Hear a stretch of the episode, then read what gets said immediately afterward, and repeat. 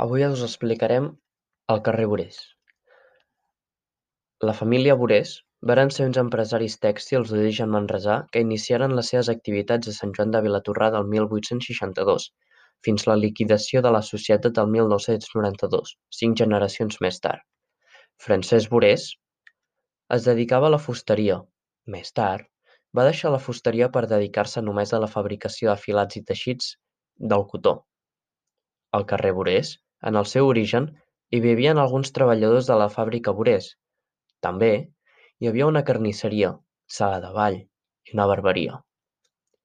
Actualment, aquest carrer no està en un gran bon estat, ja que han passat uns cent vuitanta anys.